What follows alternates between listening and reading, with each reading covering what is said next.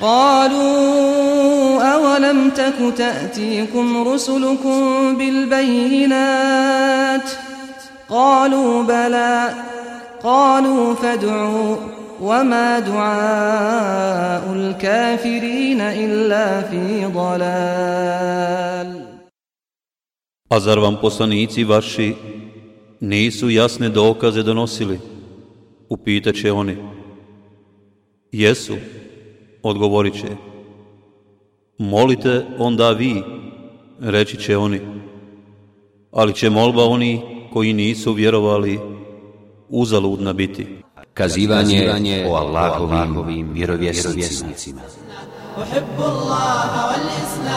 Kazivanje o Ademu, alaihissalam. Kur'ansko kazivanje o Ademu, alaihissalam, spomenuto je u surama El Beqare, El Hijr, El Isra, El Kehf i Saad. U skladu sa ajetima, hadisima poslanika Muhammeda sallallahu alaihi wasallam, predajemo da sahaba, kao i nekim israelijatima, navešćemo ovo interesantno kazivanje.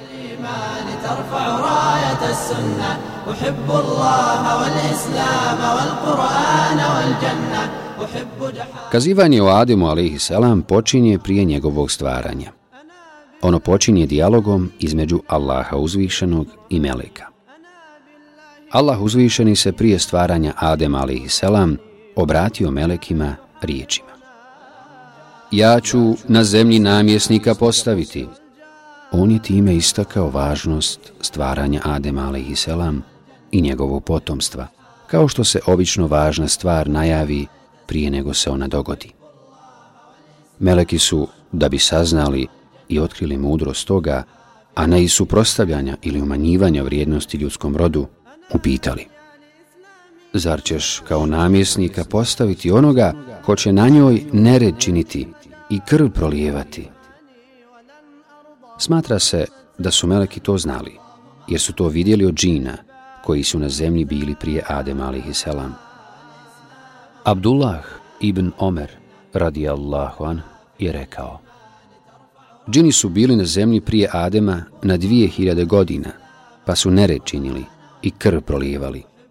Allah je zbog toga protiv njih poslao vojsku Meleka, pa su ih protjerali na morska ostrva. I danas se centri moći džina nalaze na morima i po otocima mora i okeana. Mnogo hadisa govori da vođa džina, nevjernika, Iblis, Allah ga prokleo, ima svoje carstvo i prijestolje na moru. Kada je Allah uzvišeni obavijestio Meleke da će stvoriti Adem a.s. i njegovo potomstvo, među njima je bio i džin Azazil.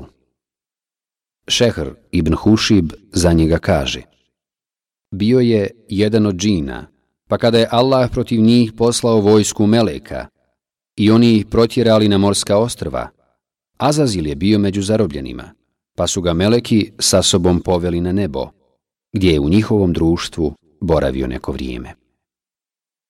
Postoje različita mišljenja po pitanju vrste meleka s kojima je bio u društvu, ali sva upućuju na to da je ibadetom postigao visoko mjesto. Ibn Džerir navodi da je Ibn Abbas radijallahu an rekao Meleki su mislili da će svi ljudi na zemlji nered činiti i krv prolijevati, pa su rekli Allahu, a mi te veličamo, hvalimo i kako tebi dolikuješ tujemo. Odgovarajući im na to, Allah uzvišen je rekao da on po pitanju razloga njihovog stvaranja zna ono što oni ne znaju.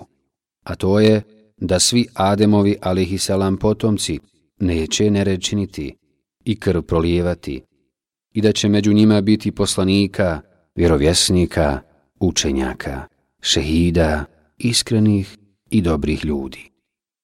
Postoji mišljenje da su se meleki pobojali, da ne propuštaju nešto u ibadetu prema Allahu uzvišenom, pa su riječima, a mi te veličamo, hvalimo i kako tebi dolikuješ tujemo. Htjeli saznati jesu li kakav propust učinili i je li to razlog stvaranja novog stvorenja.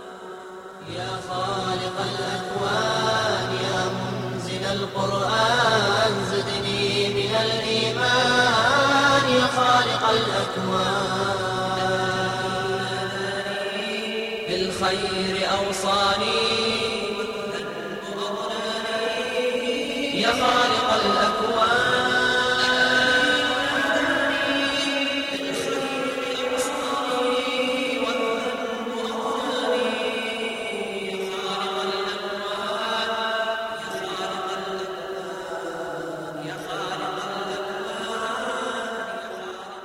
Allah uzvišen je najavio melekima stvaranje prvog čovjeka od prašine i obavijestio ih da će mu biti obavezni učiniti seđdu.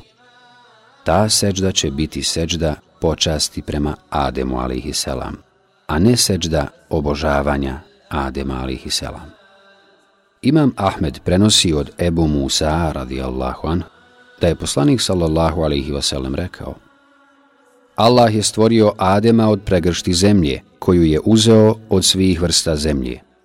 Zato su Ademovi potomci poput zemlje. Ima ih bijelih, crvenih, crnih i boja između tih. Allah uzvišen je tu prašinu nakvasio, te je postala ljepljiva ilovača. Od te ljepljive ilovače je oblikovao Adem alih selam svojim dvijema rukama.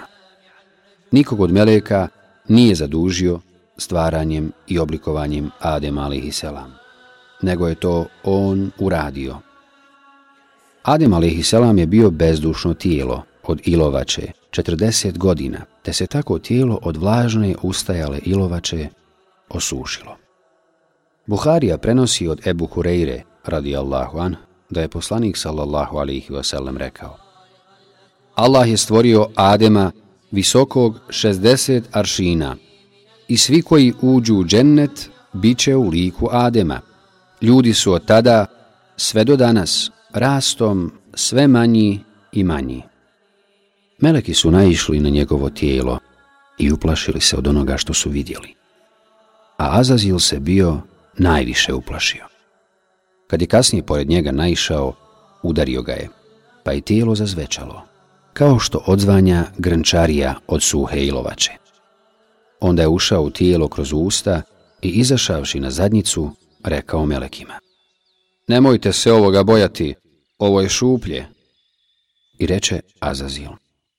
Kad bih imao vlas nad ovim, ja bih ga razbio. Od tog momenta počinje otvoreno Azazilovo neprijateljstvo prema Ademu, alihisalam. Nakon toga Allah uzvišen je u Adem alihisalam, udahnuo dušu. U hadisima se spominju detalji udahnuća duše u Adem a.s. Ibn Hibban prenosi od Enesa ibn Malika radijallahu anhu da je poslanik sallallahu alihi wasallam rekao Kada je Allah u Adema udahnuo dušu i kad mu je duša došla do glave, kihnuo je i rekao Alhamdulillah, hvala Allahu. A Allah mu je rekao, irhamuke Allah, Allah ti se smilovao. Kada mu je duša ušla u oči, ugledao je džennetske plodove, a kada mu je ušla u stomak, poželio je da jede i skočio prije nego što mu je duša ušla u noge, žureći prema džennetskim plodovima. Na to se ukazuje u riječima uzvišenog Allaha.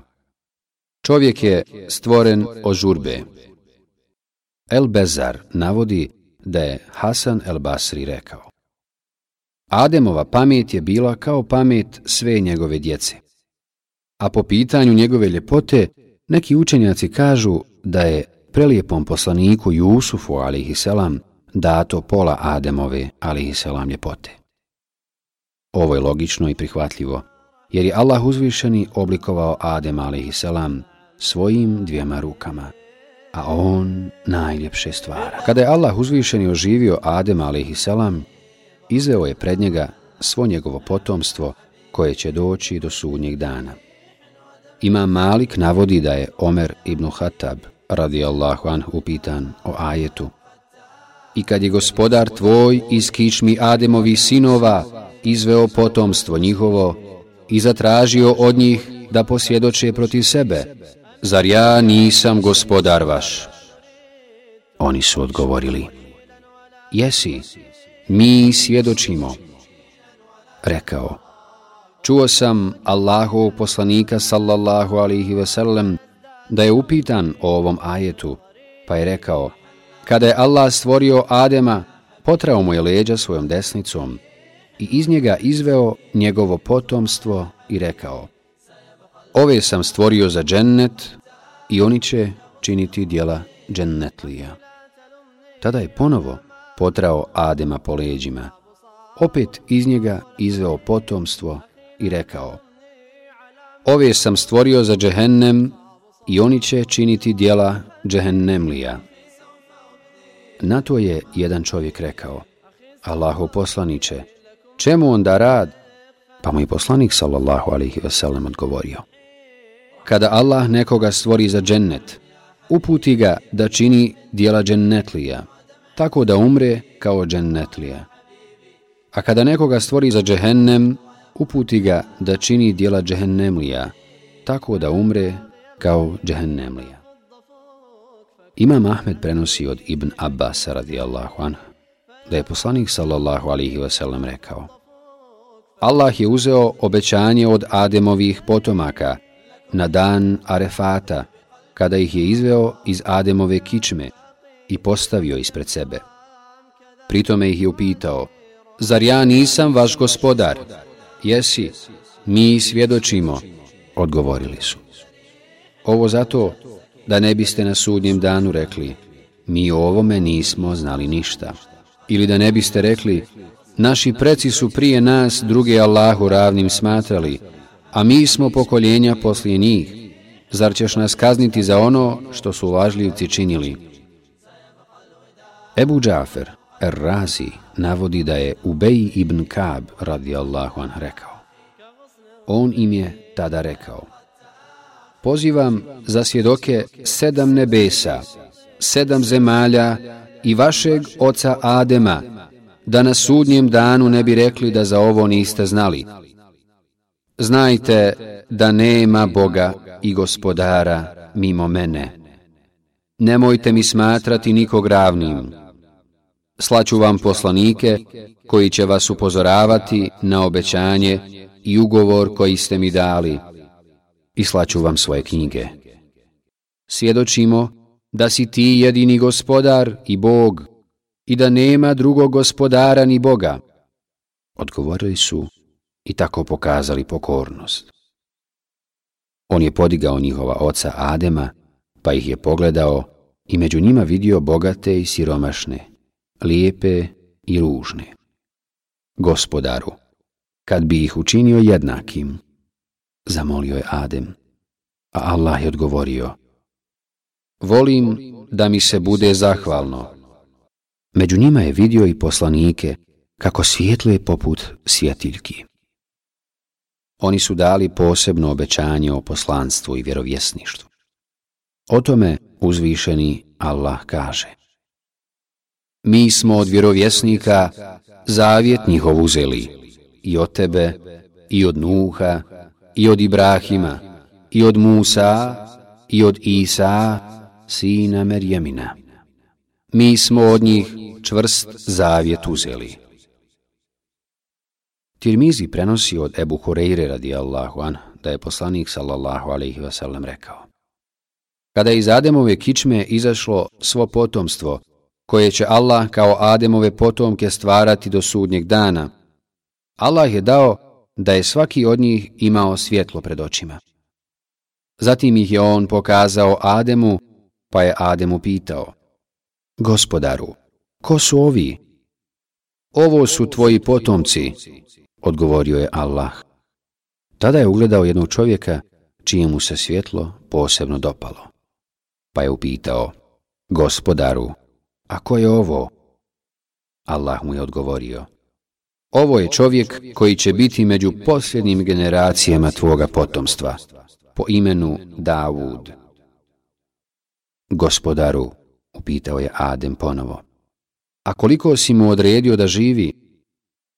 60 godina, odgovorio je Allah.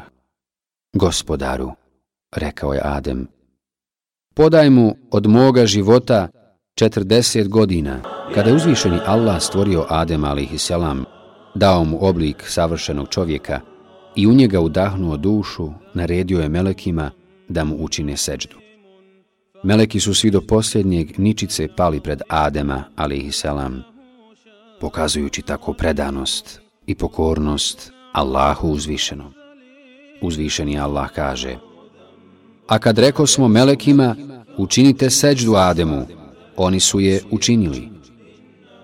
Mufesiri se razilaze po pitanju kojim melekima je bilo naređeno da učine seđdu Ademu a.s. Većina ih smatra da se to odnosilo na sve meleke, jer se tako razumije iz općeg značenja ajeta koji govori o tome. Ibn Asakir navodi da je Omer ibn Abdulaziz rekao Kada je melekima naređeno da učine seđdu, Israfil je to prvi uradio, pa mu je Allah dao da mu Kur'an bude zapisan na čelu.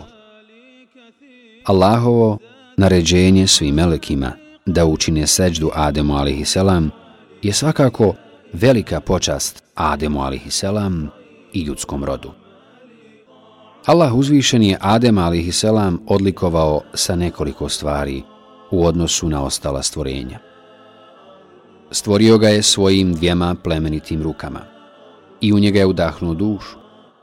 Zbog toga je Melekima i naredio da mu učine seđdu. Međutim, Azazil, koji je bio u društvu Meleka i koji je kao i Meleki bio obavezan učiniti seđdu, to nije učinio. Allahova Đalešanuhu naredba Melekima da učine seđdu Ademu a.s. odnosila se i nazazila, jer je prije te neposlušnosti bio dobar Allahov rob. On je namjerno iz svoga prkosa i nadmenosti izašao iz pokornosti Allahu uzvišenom i odbio da izvrši njegovo naređenje.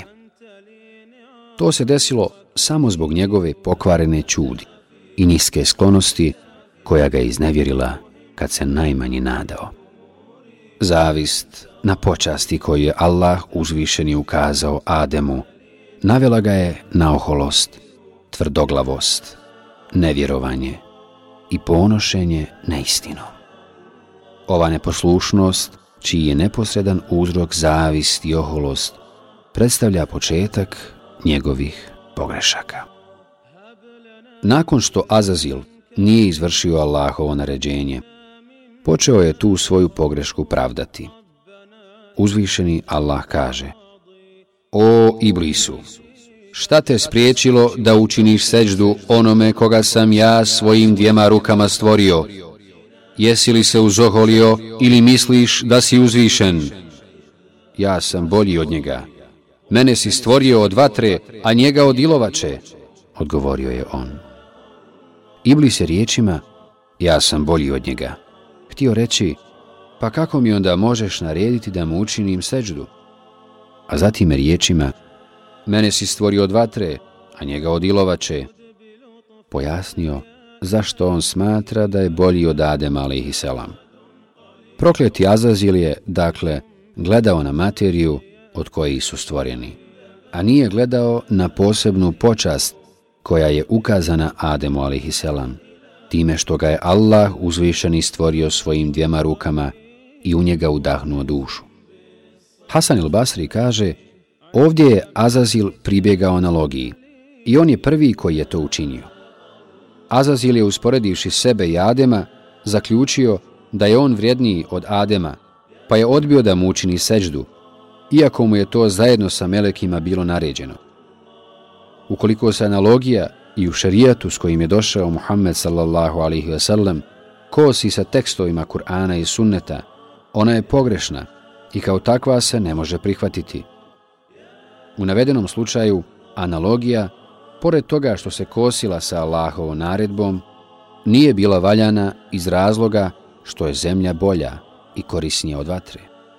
Zemlja je mirna, dobročudna, naklona i blagorodna, a vatra nepostojana, hirovita, nepredvidljiva i sklona da pred sobom sve pali i žari.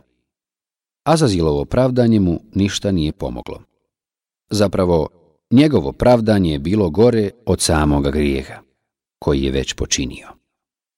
Pored pravdanja, Azazil se osmijelio reći gospodaru svjetova. Evo ovoga koga si iznad mene uzdigao, ako me ostaviš do smaka svijeta, sigurno ću, osim malobrojnih, nad potomstvom njegovim zagospodariti. Uzvišeni Allah mu reče, E onda izlazi iz dženneta. Ne priliči ti da u njemu prkosiš. Izlazi, ti si zaista od onih prezrenih. Neka si proklet. I neka se proklestvo zadrži na tebi do sudnjeg dana.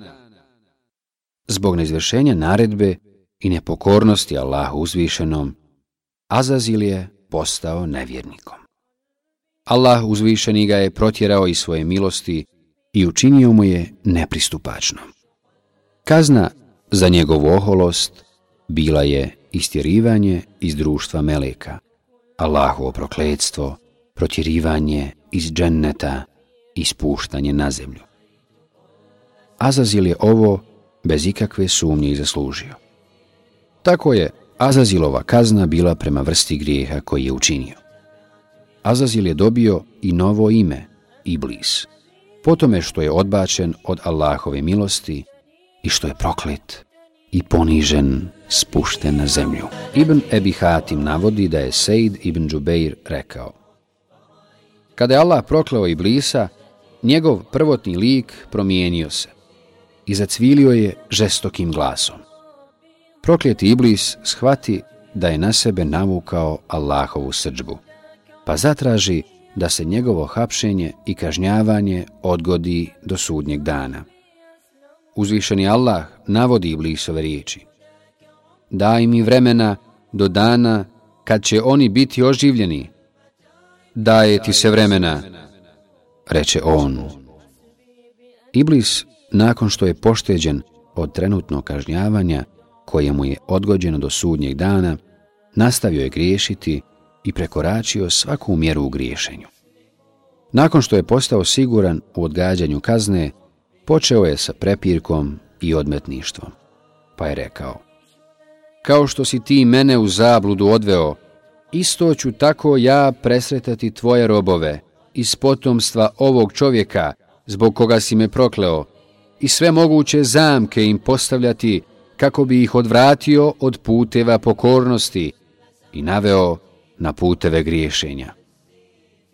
Uzvišeni Allah kaže Iblis je rekao E zato što si odredio pa sam u zabludu otišao kunem se da ću ih na tvom pravom putu presretati pa ću im iz prijeda, iz straga, iz desna i s lijeva prilaziti i ti ćeš ustanoviti da većina njih neće zahvalna biti.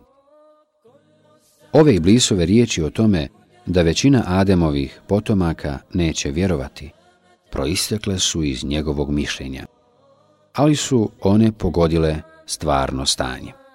Kao što uzvišeni Allah kaže, a Iblis se uvjerio da je o njima ispravno mislio. I oni su se poveli za njim, osim nekolicine vjernika, nad kojima nikakve vlasti nije imao. Sretan će biti onaj koga ne posluša, a nesretan onaj koga bude slijedio. Budući da je Iblisu odgođena kazna, Allah uzvišeni mu je, kao i Ademovim, ali i selam potomcima, koji ga budu slijedili, zaprijetio džehennemom. Onima koji se za tobom budu povodili, i tebi, džehennem će kazna biti, i zavodi glasom svojim koga možeš, i potjeraj na njih svoju konjicu, i svoju pješadiju.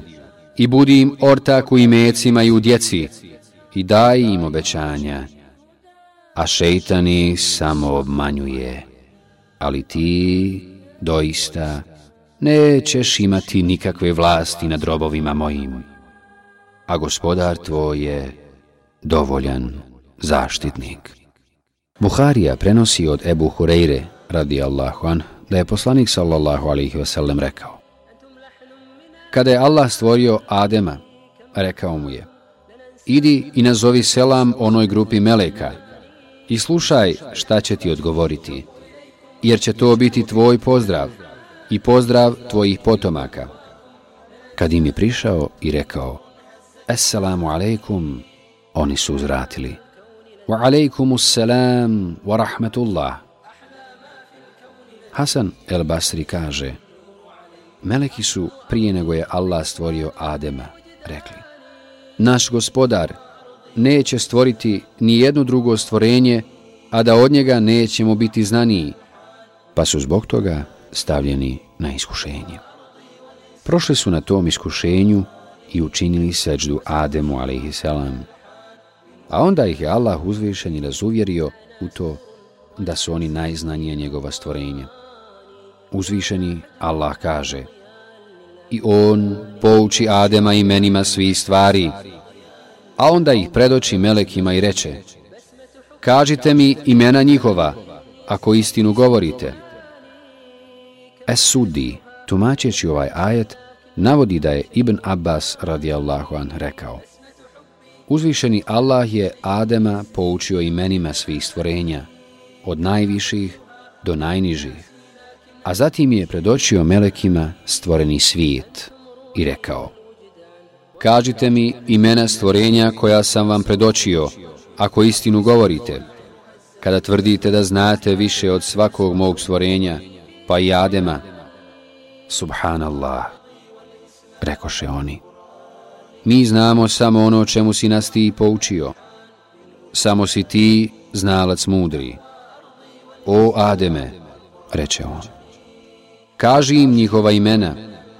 I kad im on kaza imena njihova, Allah reče, Zar vam nisam rekao da samo ja znam tajne nebesa i zemlje i da samo ja znam ono što pokazujete i što krijete? Allah uzvišen je naredio Ademu a.s. da se nastani u džennetu sa svojom ženom riječima. I mi reko smo, o Ademe, nastanite se ti i tvoja žena u džennetu i jedite u njemu koliko god želite i odakle god hoćete. Ali se ovom drvetu ne približavajte, pa da sami sebi nepravdu nanesete. Iz konteksta ovog ajeta se razumije da je Hawa stvorena prije Ademovog alihiselam ulaska u džennet. Međutim, Es-Sudej od Ebu Saliha i Ebu Malika, a oni od Ibn Abbas radijallahu an prenose da je rekao Ademu je samom dodijalo lutanje po džennetu. Tako je jednom zaspao i kada se probudio, ugledao je pored svoje glave ženu kako sjedi. Allah ju je stvorio od Ademovog rebra. Ko si ti? Žena, odgovorila je. A zašto si stvorena? Da bi se uz mene smirio. Meleki su ga, želeći da provjere njegovo znanje, upitali. Ademe, kako je njeno ime? Hawa. A zašto je ime Hava? Zato što je stvorena od nečeg što je živo, odgovorio je. Potvrdu za ovo imamo u riječima uzvišenog. O ljudi, bojte se svoga gospodara, koji vas je od jednog čovjeka stvorio, a od njega je i drugu njegovu stvorio. Buharija i Muslim prenose od Ebu Horeiri radijallahu an, da je poslanik sallallahu alihi wasallam rekao Prema ženama lijepo postupajte, jer je žena stvorena od rebra, a rebro je najzakrivljenije pri vrhu. Ako pokušaš da ga ispraviš, slomit ćeš ga. A ako ga ostaviš, ostaće krivo. Zato lijepo prema ženama postupajte. Hawa je najljepša ikad stvorena žena. U pogledu dženneta, u kojem su Adem a.s. i Hawa bili nastanjeni, učenjaci se opredjeljuju za jedan od dva stava. Većina učenjaka smatra da je to pravi vječni džennet, kojeg je Allah uzvišeni pripremio kao nagradu za vjernike.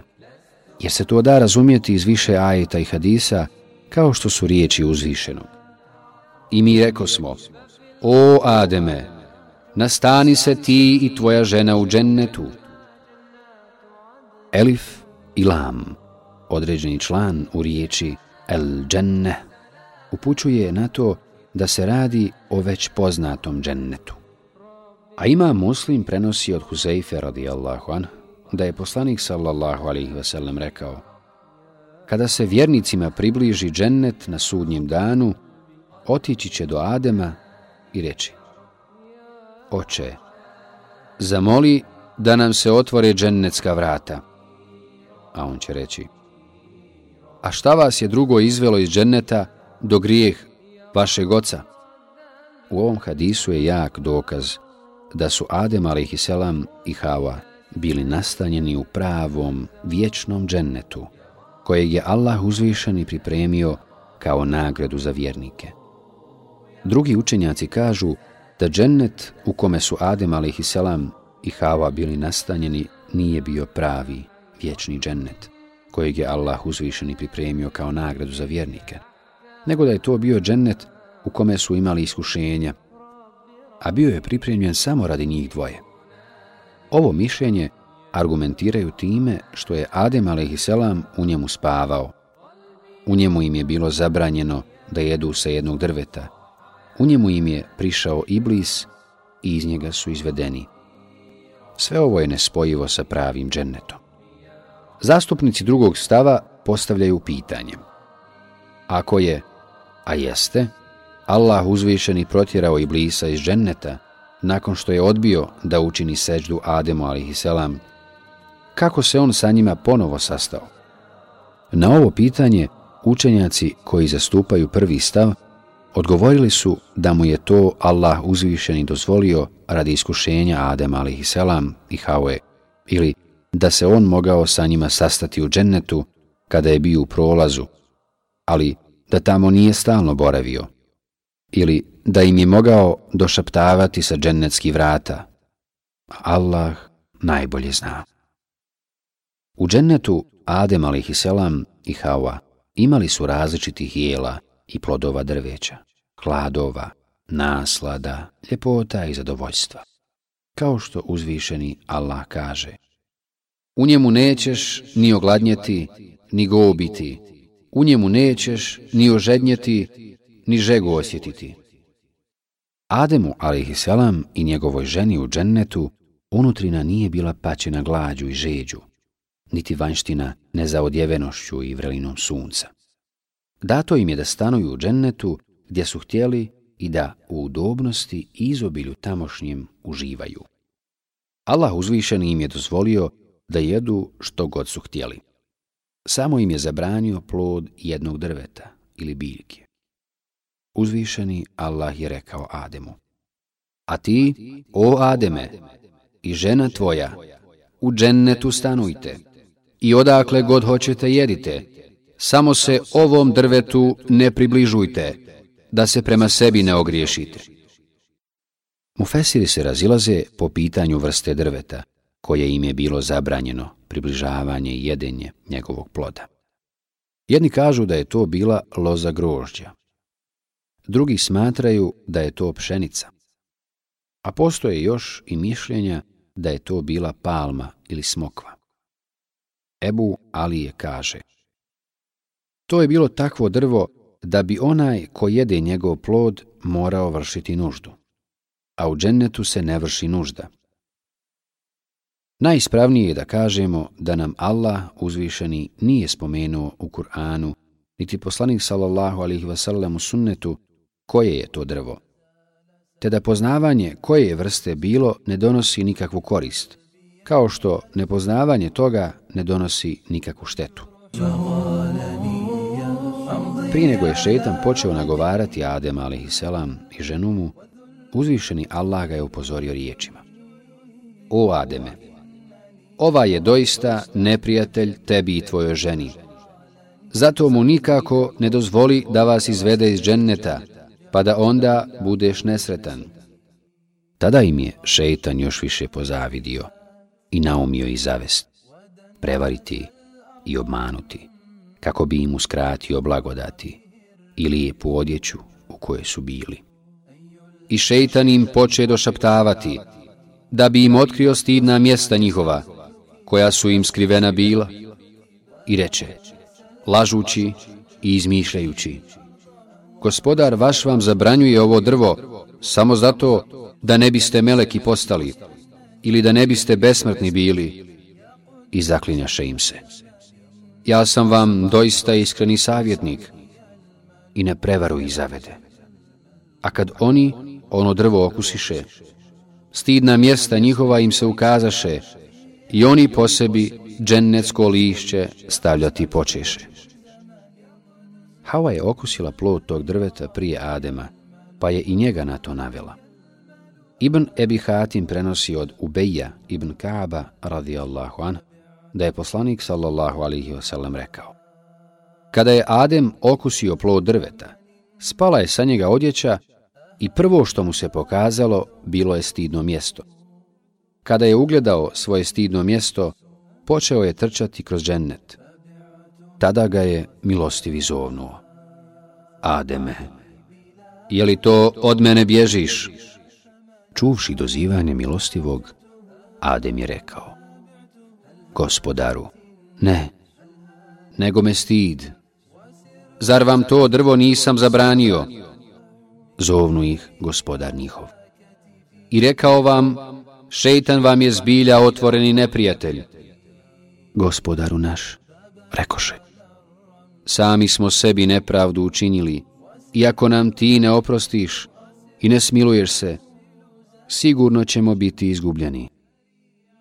Ovim su Adem a.s.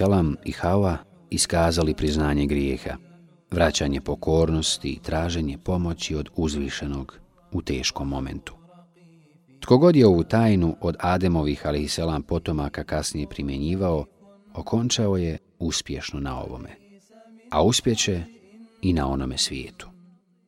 Zbog ove naizgled male pogreške, uzvišeni Allah se naljutio i rekao Izlazite, jedni drugima ćete neprijatelji biti, na zemlji ćete boraviti i do smrti ostati, na njoj ćete živjeti, na njoj umirati i iz nje oživljeni biti. Mi reko smo, silazite iz njega svi, od mene će vam uputa dolaziti. I oni koji uputu moju budu slijedili, ničega se neće bojati, niti će izačim tugovati. A oni koji ne budu vjerovali i ajete naše budu poricali, bit će stanovnici džehennema, gdje će vječno ostati.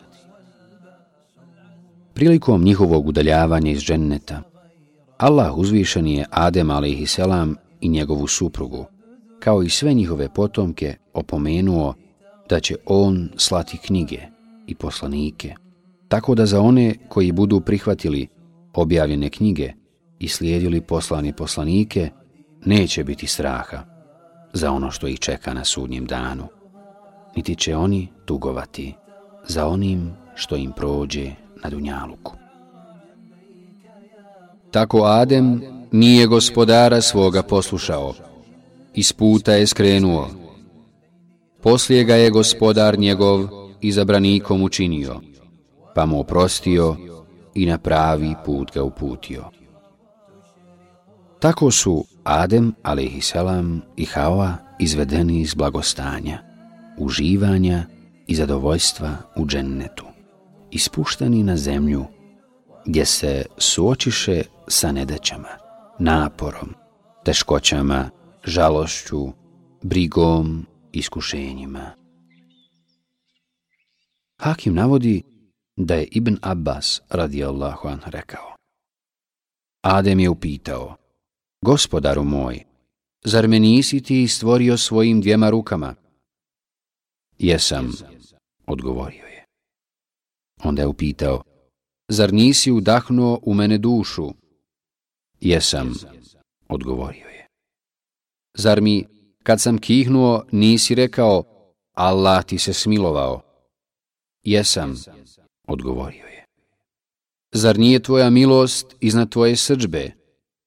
Jeste, odgovorio je. Zar mi nisi propisao da ću ja ovo uraditi? Jesam, odgovorio je. Hoćeš li me onda ponovo vratiti u džennet, ako se pokajem?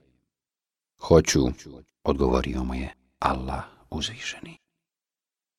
Imam Ahmed prenosi od Ebu Hureyre, radi Allahu anhu, da je poslanik sallallahu alaihi wasallam rekao Najbolji dan u kome sunce izlazi je petak. Toga dana je stvoren Adem. Toga dana je uveden u džennet. Toga dana je istjeran iz njega. Toga dana će biti smak svijeta. Esudi kaže Adem je spušten u Indiji, a Hawa u Džiddi.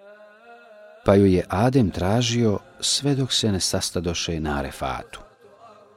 Adem je sa sobom donio i Hadžarul Esved, crni kamen koji je danas ugrađen u čošku Kabe.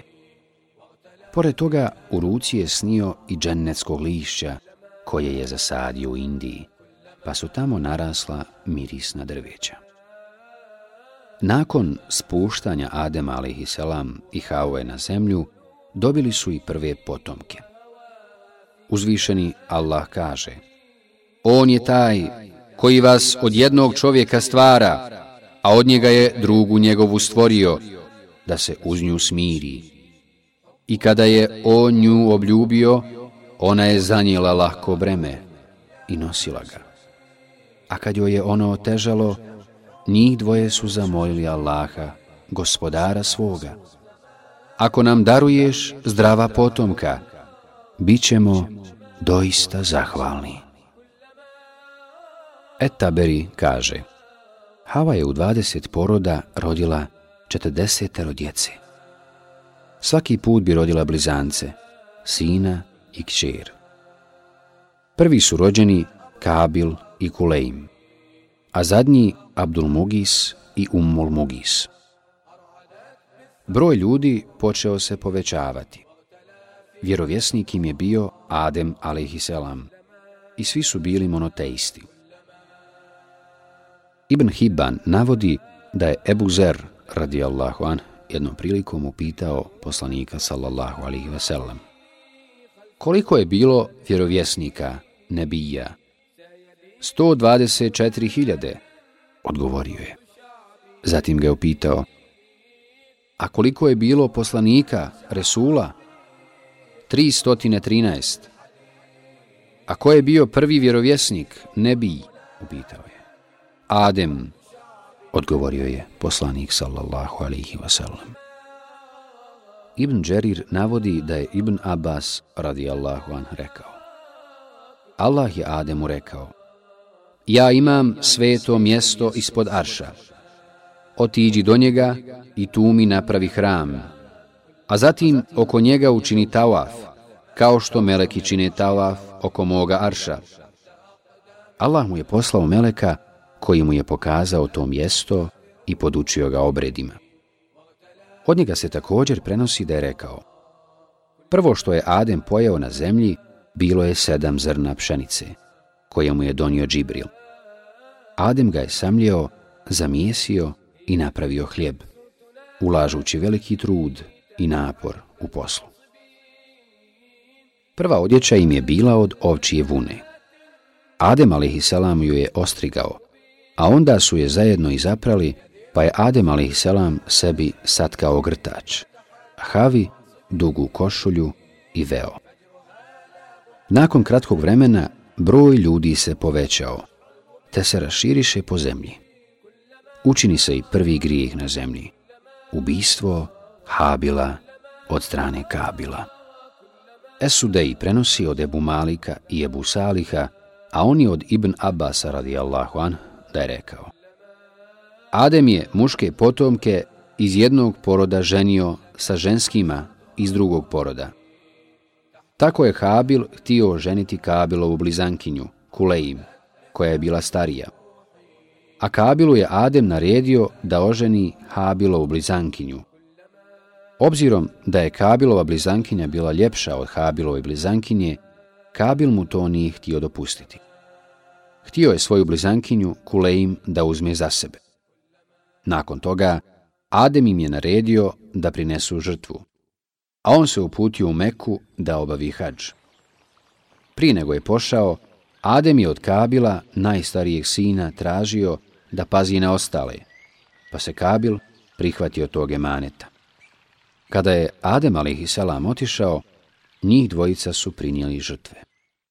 Habil je imao stoku, pa je zaklao jednu dobru mladu ovcu. A Kabil je bio zemljoradnik, pa je prinio žrtvu u svežnju najslabije žita. Kada je vatra sišla, progutala je Habilov kurban, a Kabilovu žrtvu nije ni dotakla. Na to se Kabil naljutio i rekao da će ubiti Habila kako ne bi oženio njegovu blizankinju. Na to je Habil odgovorio da Allah prima žrtvu od bogobojaznih. Nakon što mu je brat zaprijetio da će ga ubiti, Habil je rekao I kad bi ti pružio ruku svoju prema meni da me ubiješ, ja ne bih pružio svoju prema tebi da te ubijem, jer ja se bojim Allaha, gospodara svjetova. Kada je pala noć i Habil zaspao, Kabil mu se prišunjao i kamenom mu razbio glavu i tako ga ubio. Neki kažu da je Kabil, nakon što je ubio svoga brata, njegovo mrtvo tijelo nosio na leđima godinu dana. Tako je bilo sve dok mu Allah nije poslao dva gavrana, koji se pred njim posvađaše, te jedan ubi drugog. Esudej, pozivajući se na neke ashabe, navodi da su gavrani bili braća. Preživjeli je iskopao rupu u zemlji, uvukao u nju tijelo ubijenog i zagrnuo ga. Kada je to Kabil vidio, pomislio je. Teško meni. Zar i ja ne mogu, kao ovaj gavran, da zakopam mrtvo tijelo svoga brata? Zatim je pokopao tijelo svoga brata. Neki učenjaci navode da se Adem a.s. kada se vratio sa hađa, zbog ovoga jako ražalostio. I da je spjevao sljedeće stihove, koje Ibn Đerir navodi od Ibn Humejda. Zemlja i sve što je na njoj se promijeni, pa njeno lice posta prljavo i ružno. Sve što ima boju i oku se promijeni i malo šta na zemlji osta lijepo. Moguće je da je Adem a.s. u žalosti nešto slično svojim jezikom rekao, pa su to neki kasnije prepjevali. Ipak o ovome su podijeljena mišljenja, a Allah najbolje zna šta je tačno do ovoga. Sjeverno od Damaska, na brdu Kasijun, nalazi se pećina koja se zove pećina krvi. Ona je poznata po tome što se vjeruje da je Kabil kod nje ubio Habila. Međutim, to je prenešeno od Ehlul Kitabija i Allah najbolje zna da li je to tačno ili nije. U svetoj knjizi Ehlul Kitabija stoji Allah je Kabilu odgodio kaznu. Adem se zatim sastao sa svojom ženom, pa mu je rodila sina i nadjeli su mu ime Šit. Riječ Šit znači Allahov dar, a oni su ga tako nazvali zato što su ga dobili nakon Habila. Tirmizi prenosi od Ebu Kureyre radijallahu an, da je poslanik sallallahu alihi wasallam rekao Kada je Ademu istekao život i došao mu melek smrti, Adem ga upita. Zar mi nije ostalo još četrdeset godina? A melek mu odgovori. Zar to nisi poklonio svom potomku Davudu? On je to porekao, pa zato poriče i njegovo potomstvo. Zaboravio je, pa zato zaboravlja i njegovo potomstvo. Pogriješio je, pa griješi i njegovo potomstvo. Muhammed ibn Ishak kaže, kada se Ademu približila smrt, oporučio je sinu Šitu da vodi čovječanstvo. Podučio ga je računanju vremena, obredima u toku dana i noći i upoznao o potopu koji će se poslije desiti. Ademovog, alihisalam, sina Šita, Allah uzvišeni poslije je učinio vjerovjesnikom. Ibn Hibban prenosi od Ebu Zerra, radijallahu an, da je poslanik sallallahu alaihi wasallam rekao Allah je objavio 104 suhufa, a samom šitu je objavio 50 suhufa. Neki učenjaci navode da je Adem a.s. umro tek kad je doživio da vidi stotine hiljada svojih potomaka, djece i unučadi. A Allah najbolje zna. Abdullah ibn Ahmed navodi da je Ubej ibn Kaab radijallahu anh rekao. Kada je Adem umro, meleki su ga okupali, umotali u čefine, iskopali mu mezar, klanjali dženazu i nakon toga spustili u mezar. Zatim su ga zakopali i rekli. O sinovi Ademovi, ovako ćete postupati. Različita su mišljenja o tome gdje je Adem a.s. ukopan. Najpoznatije mišljenje je ono da je ukopan na brdu na kome je spušten, u Indiji. Umro je Adem a.s. nakon života provedenog u pokornosti Allahu uzvišenom. Nikad u toku 960 godina života na zemlji neposlušan i nepokoran Allahu nije bio. Ibn Asakir navodi da je Ata el Hurasani rekao Kada je Adem umro, sva živa bića su za njim plakala. Sedam dana. Godinu dana nakon Ademove alaihissalam smrti umrla je i njegova žena Hava. A Allah najbolje zna.